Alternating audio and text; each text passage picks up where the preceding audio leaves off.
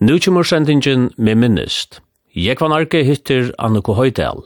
Hette er fyrsta sending.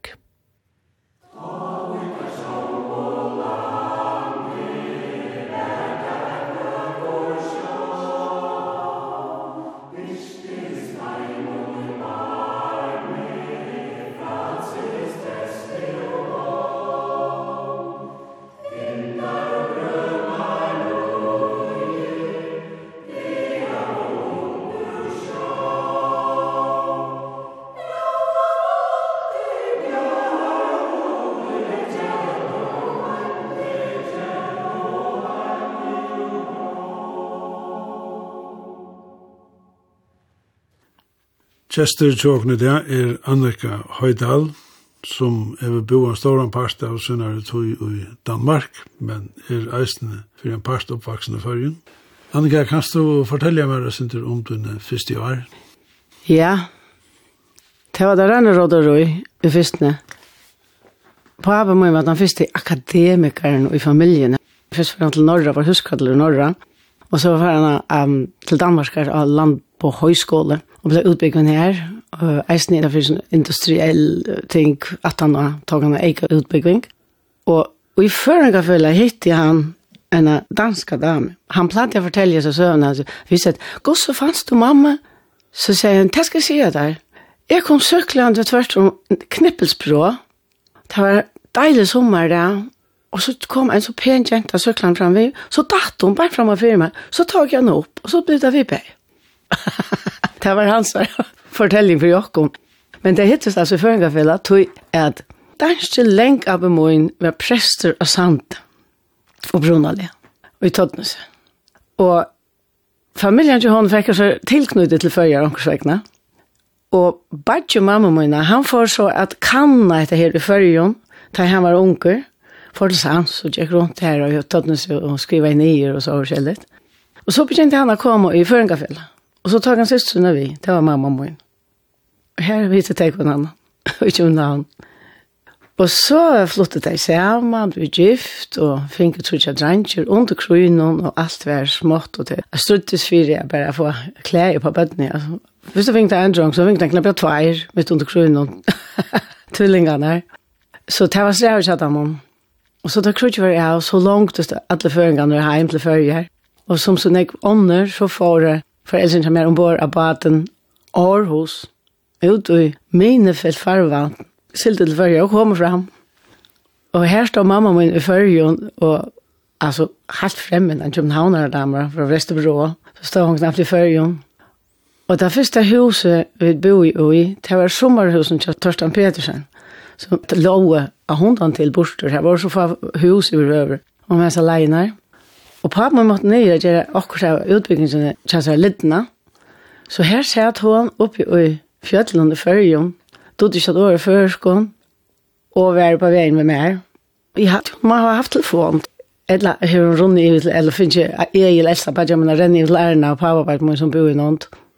Och så fick jag färdra en taxabil och hörde, kanske just, kan man förställa sig kort ut av sjukhuset. Og så kom jeg ut i hese verna, her ut av landsjukhuset. Dronning Alexandrines hospital er dette. Så satt hun her oppi oppe fjödlen hon ensam med vi fyra bøttene. Inntil pappan kom atter, sjåan kom han atter. Og så reik av det rundt, og så ringte jeg få bostad og få hus. Så det sløttes det sendte rundt uh, atter og fram, og så bo ut her, og så får vi ut i hotna på, det minst det jo ikke om jeg var for løyde til det, enn jeg stod av tog. Inntil så får vi til klaksvigar her på Abon, jeg finner arbeid til Kjellbro. Her som vi blir kallet for bollakongren og bollaprinsessan og bollaprinsene. Han gjør det fiskaballar og hermetikk, den annet. Så det var eknevne til åkken. Og så bodde vi klaksvigar og går. Det her minnes det bare sånn her, altså minne er så ondallet. Jeg minnes ikke årstøl, men jeg minnes mynter Og jeg minnes trappene, at da vi gikk i Klaksvig fire kvart, 20 år siden, at sysken og skulle finne husene, så fann jeg det at jeg minnes trappene. Der var jeg eldre, men der minnes det ikke. Jeg minnes trappene, med den andre tog jeg var dotteren. Pappen min skulle ansa etter meg, tverfyr ensamhandler. Det første jeg gjør er ta at jeg en sigarett, og kom i sjukhuset. Og omkring vegna har der finnes ikke tidsdag på sjur mer som skulle gjøre. Og ta nästa för att att jag omkring trapporna och fick att det är i verden som jeg var så igjen. Så jeg minns altså trappene. så jeg vet hva husen ligger, jeg vet ikke hva det är där. Og så minns jeg sån ontalig ting, jeg er inne til en som heter Bisp. Her står et skip vi seklom, og jeg och en sån glasmontra, eller sånn utstilling som enda er aktet. Vi näck från säcklon, så sån mynter minnes det. Og så minnes det fjöll. Men jeg var så løy til Så jeg minns ikke mer enn det. Og gosset der vi er og så, det vet jeg ikke ordentlig noe om. Og så kom vi datter til havner, da vi på at man fikk arbeid. Jo, du, i tingene, så vi tattler noen her, som fiskevinner frøringer, og satt og, ja, jeg helt han hukte bare fisk. Og som bøten så ser man, det som man ser, her, tær i hekken i loften, og han har en sånn stein som luften var før, og hun var latter, akkurat lava, men Han sier, tag han av steinen og man tror han var tunker så får armarna helt på luft. Det han var helt jökningssikt var nærmere hålet där. Är luft. Først första vi kom i och klaxor, ta hadde vi någonstans att vara. og da ble vi spjatt att familjen. Jag är bara med for en doktorhusen jag vill Magnussen, som er doktor av sanatorien i Höjdelo. Og tvillingene får jeg ut til Erna pappa på. Og jeg var så lojal til vær sammen med mamma og pappa når jeg kartene vinter når jeg bodde. Og ta ble jeg kort ui, nega som er rattes resten av løvene nesten. Er det kort ui noen badnager? kvitt spøkelser som ikke bein beinhøyde, sånne flagra rundt, ta glir rundt, jeg helst slett at det fødre bein. Jeg rattes der som pesten, og det gjør jeg som takk om skola, jeg rattes der så et eller annet. Jeg forstår slett at det her, det så ut som en liten kasse, det hette så slør, så at luktes det, det hette oppgiver i pannen, det hette en liten kasse, Og så hekka så slør ned, og så satt det ut som det var tvær naler, bant inn i heilan, helt i her. Og i den hele kassan, så hette slør det hekla som nivå så inn, eller høyre og vinstre. Og så var det helt innpakka i kutt, og man sa ikke, der det hender til det, du er ikke slåa, og der det kom til kjeltan. Altså, er det der, så et eller annet. Minst eisne, det hadde sånne som jeg aldri var torturer. Utenom at i jålen, det var da jeg kom i skolen, så tekna av denne tørna kroni av ødlån, altså. Og på talvene, og så lette der farvekrit i nekra, og en sånn renne under talvene. Og han som sier stittlast slapp, ta i dæren enda i at lita eina tørn og i tørna kroni til Jesus, ja. Og jeg anta ikke at han i desember hadde, men jeg slapp alt sånn opp. Jeg husker, hvordan året vi kan det være? Jeg sier her godlige koner, Og der slået, jeg rates der som pest. Men jeg tog seg vi ånder. Nøkker hilde det var så fytt der. Men det var sikkert det som ikke var så bensjen som jeg var. Jeg rettes der som pesten. Så noen har gjort meg ikke godt. Ja, så bor vi her, og så enda det vi at foreldrene kommer kjeft en og trø oppi Holse fra meg ristet noen, og så bor vi her. Og det var altså paradis hilde vidt. Og vi hadde små alle om da jeg var og kom Man fikk et heima lamp og vi hade kor. Folk kom etter efter mjölk. Alltså det var så helt att få pengar att slå till för gärna lön. Så det kom ju till mjölk och köpte mjölk för och kom och sett i ena spann och vi fyllde på i ena spann. Tvillingarna gick ut vid spannen som fick det där ludd i öra för det här. Och så hade vi en gammal ross som stod och glödde i en gäng vindöjne. Han tog till att det horar upp. Han beit og håndtær så så kom han halver inn i kanskjena. Så det var ble tryggleid som lukket som hans. Det et minne som jeg har. Her var godt å være, her var trygt, her var, her var ikke vant til, og vi hukte om man i høyde, eller vi hukte ut av Kjek, ut av Estnes. Jeg helt heimeren var vekker, og vi hukte om man høyde altså en gang på en rundt, vi delen og nær. Så det var lukket som tryggleisen, og jeg minnes det er som et fast punkt, som man lukket som kunne vente alltid til i hånden. Ta alt annet for lukket som rundt om meg. Ja, og så eh, hendte jo så han det alt med alt annet, til at Alltså pengarna var smajer og utbyggningen har kostet ikke på pappa månaden og jeg kjøper hus har kostet. Og så får han hittet seg et arbeid ut i verden, innenfor ST, innenfor det som heter FAO, food and agriculture, føje og landbonare. Og en av tror vi da vi skulle til et arabisk land, Egyptaland, men det enda vi er vi får i til Sør-Amerika, det var jo en fer av en langt ta, det tok så renka tog i alt. Så skulle alt pakka saman, og husene skulle leiast ut, men vi var borte, ansast etter, Og så får man først ombord av kjaldre, tiltog nærmest tro to døgn. Så kom man til Danmark, og der bor vi ikke ommemøyne som bor i Vesterbro. Vi knallre i en hare, og en bohem og er det av er ver, Og ommemøyne, det var så fatak. Jeg så til skriva, jeg så til hver sånn manuskript å skriva av. Og han skrev søver, og han skrev badnabøker. Det er i det, falsk grønne. Og så kom man opp i seg her merkelig veren oppi av fjorda særlig, og man hørte spårvåkner nekra, og det var ta mjölkadrange vår, der kom ut av syklen med mjölk. Og så hørte man der fløyta og alt, fløyta og sanger, og kjøkken gøtten her. Og så spårvåkner som alltid kom, og man nå stekka så, så sier det sånn,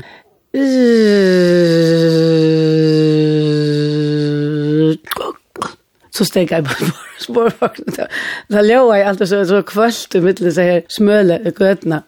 Jo, hetta var en sånn særlig eventyr er tja taimon. Og Abba må være en sånn postfisker. Det er så få penger som han vi ser at bare i undertøyt å skrive. Så det er ikke rart til å bruke kyrste. Og så har han bare et brøst som han stakk ned i buksene, og så en leis av flipp, og så mansjetter som han kørte inn under jakkan. Så det er ikke rart til.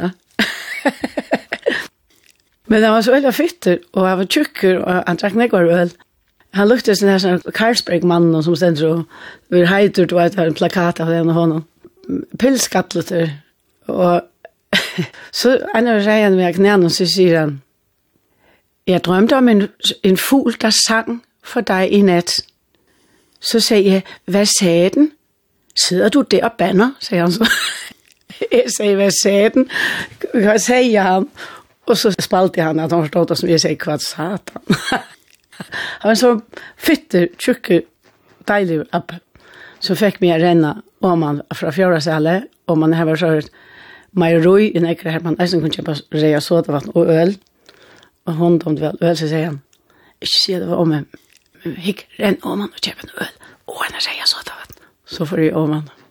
Minnes hvordan jeg søtte, hva skulle det være, søtte det først. Så sier jeg hva skulle det vara imponerad att jag skulle säga så. Och vad är det andre ting? nei. Och så tar man for förra steg så sier jeg, farvel og takk. Og så kör man ikke før. Jeg hørte om hon bunten ner i gulvet, og så hon spurte efter hon. Rora, rora, patne, grøyten gryten ständer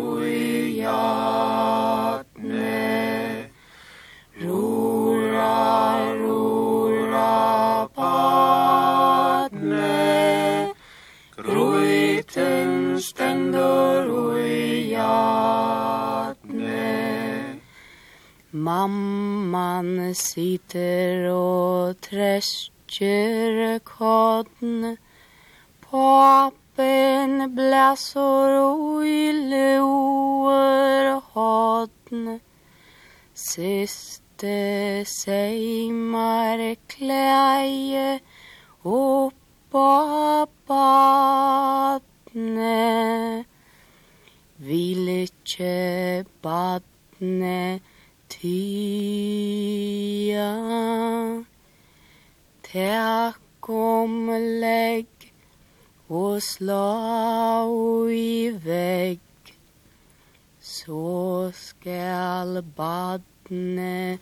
tia.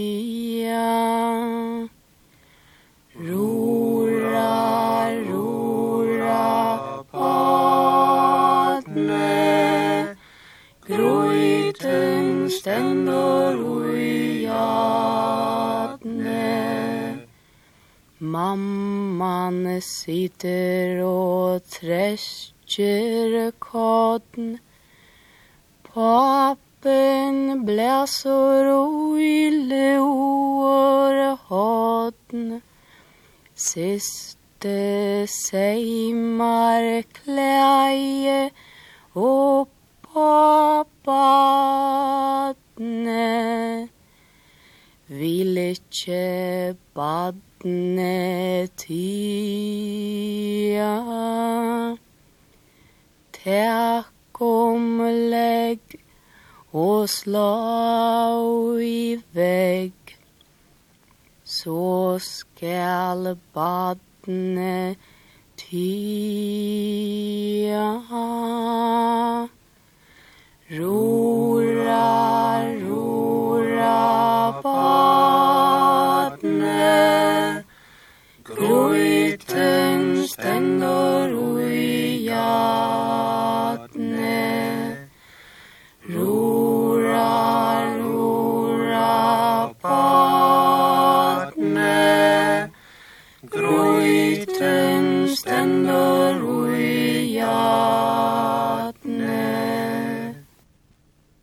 Og så tar vi det vi er her, men det tog, så får vi det her. Vi slår fer til Rom. Her er et høvesenter, da er det en. Og jeg finner det, mener vi, Rom brøydes det ikke til, det gamle borgerne, det ligger her, faster, ruiner, så jeg finner det alltid. Og her bor vi så i flere måneder, tog, det ble langere tog av papen min, blindtaren ble sjukker, så han måtte inn en en nonne hospital, her kom jeg nonner på, jeg tror, jeg så bedre det ikke, men han fortalte han av hukt ut i vinduet, og hun kveldet synket der og dansa, og en fløte, og sunke godlige sanger. Og han helt av jeg fytter, og onker opererer igjen, og så tar han var klar, og så får vi vågjert til Sør-Amerika. Og det var en øyelig fyr, ta Man mittelent i alla möjliga stans. Alltså vi var ju i Orland och alltså jag vet inte kvar vi det var. Och mittelent New York. Och här minns det jag vi var innan kontoret. Her sa du menn ved beinene oppe av båret, og hadde Coca-Cola av båret, fint, gløtte vi. Vaksne menn satt ved beinene oppe av båret, men der skriva på maskin. Vi tog sånne jeg var merkelig av er, som vi ikke hadde sett før. Men jeg minns ene så jeg tar vi flo i Iver Sveis. Så var alt familien sauna, og jeg helt, at nå skulle jeg få ut av ves. Og jeg får ut av ves. Og som en smæring jenta, så last jeg så øyla vel. Og så gjør jeg det som jeg skulle til av ves noen. Så fikk jeg henne opp at. Og jeg bare til siden la seg, og jeg rønte alt mulig.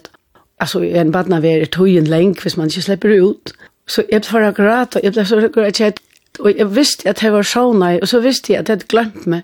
Det var ikke glemt meg, og så klei vi opp av vesebrettet, og hukte ut, og så hukte jeg ned av krida kvitt han kæva, og han pikk litt smått av her nere.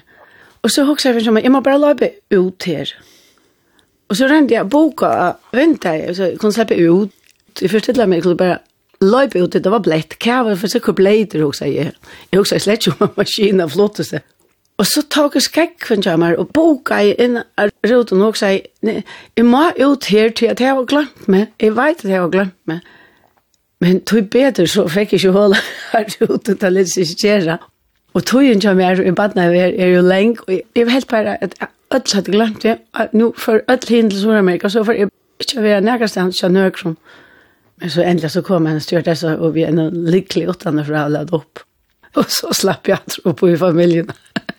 så så det små drama var jag vet nog. Tar vi det var kommit till Sydamerika så lände vi i huvudstaden i Ecuador här som vi skulle vara. Men vi skulle sätta ner till en annan boi som heter Manta. Och, och i Quito som bor nere som ligger så for banka flott, bankaflotter sånn høfjøll, vulkansk fjöll, høgt oppe. Og så har ting i indianer, indianer drakten, alle stedene. Og så kom en tyskare etter som er tauper minst det, og øl og bløyer, i bilen og kjørte kardiokken inn i byen. Og så skulle man nian etter, etter fjallet, så når man siksakka i nian etter. Og jeg minns vi var så høgt opp igjen, for jeg tok til nir av en fotballsvøll. Begge liene spalte fotballt vi En har tjukkar lengar flatte, svartar flatte, helt nere av min, alle henne lengar flatte, enn de andre drengere, som gingo under hatte og i poncho, og så ørta man det jo da. Så det var en helt ånderver, lidrug, og kladna drakten var flott, og luften var så øyla rein, og, og det regna nesten kvendt, ja, altså midt om dagen, så det rensa i bojen. Det var så øyla god luft, selv var øyla høyt oppe, Her bor vi en pensjon som er Santa Maria. Og her hukte man i hverandre indianer indianerfamiljer og som hadde grønt, altså frukter og mais og forskjellig som de dyrka. Og, og så minns jeg til, vi, vi stod og hukte ut, da vi hadde en altan. Og så fenga da Ronny etter omkring, fenga okkur, så var det et marsfyn. Jeg synes man, og så åtte det og så stokte det da ut i en fjord, ut i havet Det er helt ut var øyla spennende, at det er jeg så rett som vi ikke var vanlig å gjøre. Det har kommet så nekk inntrykk, og lukter en av imenskare frukt som vi aldri hadde sett før. Det var en sånn marknaver man får ned og her. Altså, en helt annen en vær som man slett kan forstille seg. Bare i liten og i landsleie. En veker, veker bøyer aldri. Og så regnet det nesten å, å vaske i bøyen til midt av det det var liksom ett det virkar som et eventyrst, ja, helt det Kitto. Jag hade det enn, vi var satt nu vi sier Kitto. Och så var vi här en tog och jeg skulle på at man få kjøl, och jag vet inte vad. fra en om hva han skulle han skulle skrive rapporter och han man och sända där till enn den höstdagen. Men så en pennan där så skulle vi vara till testa her vi skulle bygge. Det var til en by som är Manta. Och hvis man forstiller sig Galapagos-øyene hvert her ligger. Så hvis man svært i Beinarkos, beint inn av stranden, så ligger Manta her, av Vestersvinn, av Suramerika. Det var bare santer, santer, santer, santer, santer. Helt grått. Fra en sånn høvsten som sprukte vi liten, og gr grønt, og blommer som hette reia lite. Så det var helt, helt bare santer, santer, santer, santer. Og det var en veldig vik, stor vik. Og vi boet til parten som er Tarki, som da utanför bojen och så la bojen in här vinstmen vi hukte vi in här. Husen var byggt ur bambus det flesta. Så det flakte av bambus och så bant och det man i bontorna byggt det hus. Men vi fick en hus ur betong och här var trutje sälar och det var så helt ovanligt. Så vi hade en balkong och ett flatt tag man kunde stanna här uppe i isen och hitta ut. Så sa man om man har strönterna Og det var bant vi i strandene. Og så sa man om man var en marskne, vi ødlom apelsin og banan og ødlom møn og sløn og banan og alt møn forskjellig, så som man aldri har sett før. Og så hukte man over av biografen, som eisen var gjørt av bambus, men det var ikke tag. Så vi kunne sende og lura hvor filmer var det. Så sa vi biografen var ur Mexiko, ofte ur Mexiko, og sankar som sunker så dramatiskt att det har kommit för nok. Og det här sitter ju mig, alltså att läsa sankarna som vi finner ta ur sin biografen och vi får en annan biograf som är Tarki. Og så är en så rädda syrtliga film. Og Kerstan blev så rörd att han grät så han Og pappa, han ble så eisnullig og rørt, men for jeg fjallet at han var rørt, så får han ærka kjæresten og sier, nå, nå, hatt noen pappas ned og så fjellet. Så kjæresten ble så olukkelig, han, han får bare, og så kjekk, kan nu skulle han drunkna sig. Vi stod om boxen där för. Och nu skulle han drunkna sig. Det hette var så orättvist att pappa skulle ärka sig. Så ett landet. Och pappa lejpa. Och födde ut av kyrkva och tog den natten. Och det var en syrgelig, syrgelig, rævlig, syrgelig film. Och det här sjunger syrgeliga sanger. Och vi grådde som, jag vet inte vad det var. Vi kom nekvar imska verer inna. Och de bötnene vi spalte vi, de var ju fatakt. Det hette, ja, Onga pengar, alltså det hade inte pengar hvordan hun hadde forvunnet seg med at det var ikke. Så får det, stranden var bant vi, og det var en vøy brei sandstrand, og her lå kanøye. Kanøyene lå i stranden vi, vi bottenen opp etter, og så kom det og ventet kanøyene vi, skumpa henne ut et sanden, og så hadde det et trykkant segl, og så var det ut en tvermanns. Og vinteren fra, la, fra landet om morgenen, og så vi etter henne, så skiftet, så kom det inn natt, så nødde det kom inn natt. Onkte heter fong, onkte heter onkan fong, og onkte heter kjeipar, og onkte heter onkan kjeipar. Så det som arbeidet på på må nå være, det er at bytja en, en fabrikk. Her tar kunne komme vi fyrsten og kjøsar, og så hette det en fristihøtt, bygde en fristihøtt, så kunne der få oss en fisk vi navnet av, til kjøsarna, knappen fikk det penger på samme, altså, på en helt annen måte tryggere. Og så gjør det der eisne sardiner i dås og forskjellige sorter, hatt sånne maskiner. Og så er det en auktionshöll her, der kunne lute kunne att få den beste prøysen prisen ja, for, for fisken så så. Så det gjør det rejält stora mon. Det var sånn jeg fatak folk jeg minnes minns att pappa var kom gängande till Götne. Götne var nærmest santer bare santer. Her ser den lille familie, det sørste, det sørste det er åtte, la framme. Med til annet en ljøsere korallgrein som er så veldig flott. Og så sier pappa, hva koster den der greinen? Og jeg vet ikke hva den koster, men han så kjøpte jeg den. Så var han pratet med det, så først jeg sier at dette var det sørste det er åtte. Og det var blitt legget ut av husen, og det hadde unga penger. Og så sier han, tenk om kommer å være skulle ikke kjømmer. Så kom de ut, og fink et liv, og fink penger. Fink bøttene i vei, jeg sier. Og nå løp jeg nekvar fram. Ta jeg helt bare som har fyllt til trus, så får jeg Gunnar og jeg og han affærast atter til manta. For ute så fabrikkene. Og her så det det enn. Og hun sier, los dientes, los dientes. Hun ble så klokk, hun er til tennene her, Donde están mis dientes, mis dientes? Hun røpte mis dientes, altså tennene, hver tennene, och fan någon gång det tänder men vi var der. men de tok så hjertelig i måltrokken. Og at han hadde hade blivit avfallet vi er revolvere, og eh jeg fikk en kniv nere bare sånn, Vi gick ju om en sånn sand, det var noen sånn sandhekker om man mot strandene, og knappt så kom det två män och hadde bundit t-shirtene, så jeg tror de anledde og jeg fikk en revolver av av tinningen og jeg fikk fick og da tok jeg alt på børen til jeg pass og alt. Og Gunnar er fremme for det. Han var slett det, og fyrt jeg. Han venter seg visen. Hva hender det her? Han var den her som henne, og opp på Han er filmsapparat, eller sånn opptøkapparat, som var dorste. Alt det som vet, jeg, jeg sier bare, jeg har tvær lommer, etter det som jeg har.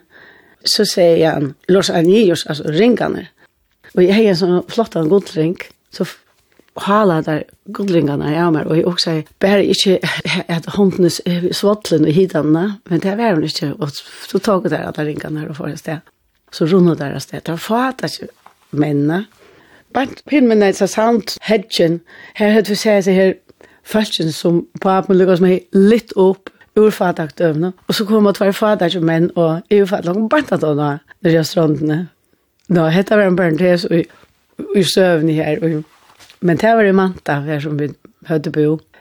Jeg minst, vi, vi, altså vi får i atre jeg eller Gunnar, jeg er vidkjent av byen, og så tar vi komme, vi lente jo i byen, i myrskre, og så tar vi en taksambil. Så sier vi, hva skal vi fjære? Så sier jeg, hotellmann av by, det er labant vi søgnere her som viddet bo. Så satt vi til, vi visste ikke om det rikket igjen. Det gjør det, han sier. Han går til å blå, vi kom inn og lytte hotell. Så Nästa morgon kan jag lägga hårarna upp där, eller sådana persienne horar man lät ut av en balkong. Och så hukte till högre. Så stod en palme som jag vill picka lite, jag var lite, uppe mot tamnhusen som vi bor i, i, i ärsifte. Och blev väldigt stor. Bara inte så innan jag. Ein skorslik kikk vi gera li i landjast heim og beljar Og i ånne spela skåle spønn te fløyta fly og kjeljar Nu fettlet døgg av græs og sev Og i å og tjatten er kransa. Og fram vi møyre mittlen husa Mot jabbida dansa. Og i tunen nonnan sprøklet høna skrukkar enn og skævar. Og skajter etter solene og skajfta fjallet stævar. Ein makka måla stund om stund Ur skaven hon hon teker. Om hua tinden spekar lia Mjörska ta med reker. Og stæren flakra sinjande Og i kringa grøn hon tætje. Her kjemur mever gengande Vi torle bea bætjen Ein lojtel pilter fet og fet Man måtte honom titta Han putten ber i vinstre hand Og i högre køke bita. Ein kraka ser så fria lia kyrkjespøyre sitter Hon lojte måte vestre ut her skiftande eliter. Tog i kvar som sol, ja loftar hatt Ja, haven onse flyter. Så få skutjen et ei fagro Rei og gylt og liter. Og i kvöld er glem og glekva en hver nøva og hver tenkje Om atlar leier er en fine frusker sommar enge. Nu kvar vil ljós, nu komast land Nu grønar voja heve. Og taknar eina stund alt ljå Tog i solen fer i kärven Nå, hver kom fra Arne kom så lengt blant hese søvnene inn. Jo, så bor vi her i Sør-Amerika, og problemet var til åkken at skolagången var elendig. Tar for jeg munka skola, og jeg unnan unn skola. Nå var det svarta nonner, som ville rett og som hinner. Det var bare så krunka svarta fra topp til ta. Så her sier det bare og sier ikke. Og en dag så kom jeg hjem og sier, jeg får ikke skole.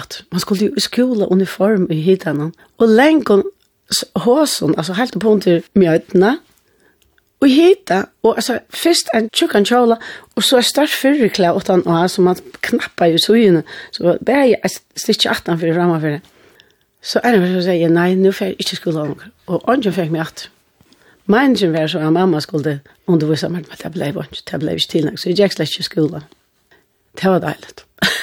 så jeg gikk jo spalt i snøy. Så fikk jeg fri. Jeg hette av ferien til manta. Og så gikk tog igjen, og etter hele skolen skolen og hva skulle man gjøre hvis bøttene tar man ikke hei nægra skoler som bor innom. Så enda sa vi at foreldrene kommer fra en dag at vi skulle sendes hjem. Så får vi et atterhus nede i litt Man kunne vi tvei flå før, til vi var for nekvt, og så pikket litt maskiner som darra, og så får vi det sted oppi over djunglene, så hukte ned i djunglene, og bambus kom opp i djøkenen, alt det gröna og eh, lente atter i Kitto, og så får vi denne lenka fer. Her er jeg som bare var 14 år gammel, takk seg jeg var alle mine heim. Og vi mitt lente alle mulige stedene, atter i New York, og så er, så er, så er, så er. Han fikk oss så heim til Danmarkar, og her skulle det her så av Sore Akademi, her tar for jeg genga, og meningen var at jeg skulle være tja om min og abba min, men det var hårst hos de var, de var tåka penger, og han satt jo engar kjørste, og drakk øl, så jeg så, og de orka vi ikke her, så jeg ble sendt om bare tjalse, og ble sendt alltid til ferger. Og så stod jeg her, og først så var jeg tja, en på Azerbaijan, og jeg vet ikke hvor tid jeg tjekk, men det gjør tjekk ikke. Så skulle vi ikke hinne pappa på Azerbaijan, det tjekk helt ikke. Og så kom jeg til Sams, til Olgefaster, og Sante, under Skære, bøndageren noen her. Mitchell Gubbe var bønd til Sante. Og så knappt jeg ser vi her er ensam med Tja Olgefaster, og her var fyra syskjen som han utan. Og så bor jeg her, og jeg da her. Og her var det at vi så tjukka til at Jeg tror man skulle ete det som alltid som var. Da man skulle ete arm för man för skola så fick man en dräcka om og akkurat att vi som man ville. Klockan tog får man hem så fick man morgonmat. Det var den rette morgonmat. Och jeg kunne skrive med. Så får man etter skola så kom man hem så fick man dövra. Og så hadde jeg etter, så fikk man middelmål, så her hadde jeg etter. Og så en temon og akkurat vi om kvelden. Jeg mener, henne rekker vi rundt ut i fjøtlen og, og, og rundt og sånt. Og jeg stappet jeg bare rømme, så jeg ble en tjukk bolle. Sikkert er som tyver kjett, tyver en som er leverende og lukket sånn. Men her var så i et år. Ja, tannveren var selv, jeg minst, vi spalte sånne spøl som vi er jo omkant og rundt for.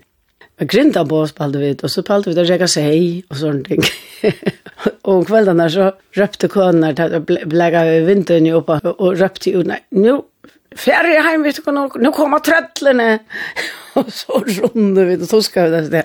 Men jag minns en för skulle vi spela jag kan säga och Eva Johan det säger och några andra som har på vi runde undan som står i ranchen som skulle fänka och kom. Jag spelar det i rand så kött. Så blev jag fänka. Och så slapp jag undan. Och så röpte jag en, att alla tlatja kasten ska lajs när jag var bollar. och så kom där och lade en stein under tungan att jag skulle säga den här bollar. jo, så här är jag. Och sant, jag gick i skola. Ta var två klasser samman. Så två sex. Hagendam var lärare. Och Kerstan var lärare. Fytteben, etter munnen tidsje. Jeg hadde lært det nok snakk. Pappa flente at han brøn og sendte. Så jeg, jeg, jeg finner sånne av vendinger. Det er ikke ut mot i huset. Og da vi kom her og her, så var holdgjenge. Jeg skriver til Stora meg. Det var flent i at det er malende. Samt jeg malende jeg finner. Det var sån stort litt ting som han var her. Køkren, han var uvige. Alle køkren bända gärna.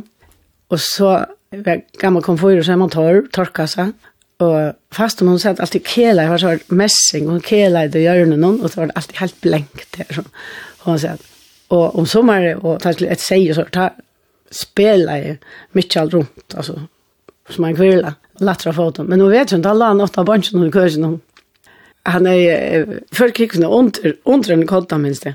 Og så la han her, så kunne jeg godt arka, sånt så var det sånne stykken under, sånne brodera stitchen som man har i hankle för det och så la eh, kaffe och te upp jag här så, så kunde jag säga, det sista Benjamin, gigan, gör mig en kaffemån, så jag på hon redan en kaffe Kan det än? Gör mig en kaggubidda. och ända kommer mig sjukomålarna Och Annika, renn ut till Dava och köp mig ett snus. så jag kom in i det här bygdalövet. Så bor jag här. Og tog en jack. og tøyen gikk en badne i långre enn jeg vaksne. Og så ømpen han der, så kom foreldrene atre etter meg. Og da var jeg blitt så smegen at jeg ikke visste hva det er meg. Og alt bygda bøttene, det er så suttje, så da bussen kom og skåp om. Det var kom vi ridene, og så, så bussen kom, så sa man, han kom vi, fram vid vattnet, og så kom han nærre og nærre og nærre til skær. Og så knapp jeg for horen opp, og ut alltså främmande folk. Mamma man undrar hatt och pappa med en sån kvut och doffelkål som man ser i filmen. Och mamma med spaserdrakt och hör hölandskål. Och här står vi i ett bygdafräll och jag blir en kyrk och jag gömde mig bara i mångt. stod och hukkade att sådana främmande folk nu så var föräldrar jag mig. Och en av så tog Olga fast mig och, och, och skumpade mig fram och säger till den där här. Och, och, och i sån trunkan av bödnorna. Och så säger mamma, man blir så klöck och säger Oj, Jesus, som du blir en kyrkstackare, du ska svärta det så du kommer ner att du är väckt. Det var lukka så välkomst nu väckt då. Du, hon blev så klöckig vid det här. Bad mig hon är avlevera myrska brun och ljósard och hej svå med den där och var i gång form. Så stod en propper där. Och fast om man är klippt och kom och var som jag gröjde ju närmast om och hörde så att vi var inte så penare i hären. Men så var det att det så mycket.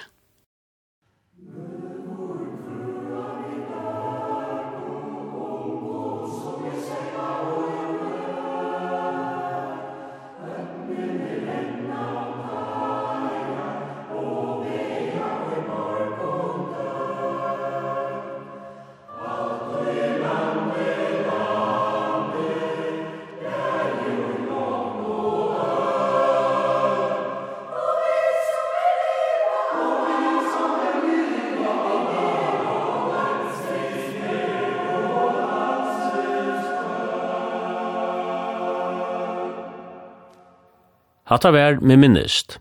Jeg var narki hitte Annoko Høydal. Fyrsta sending.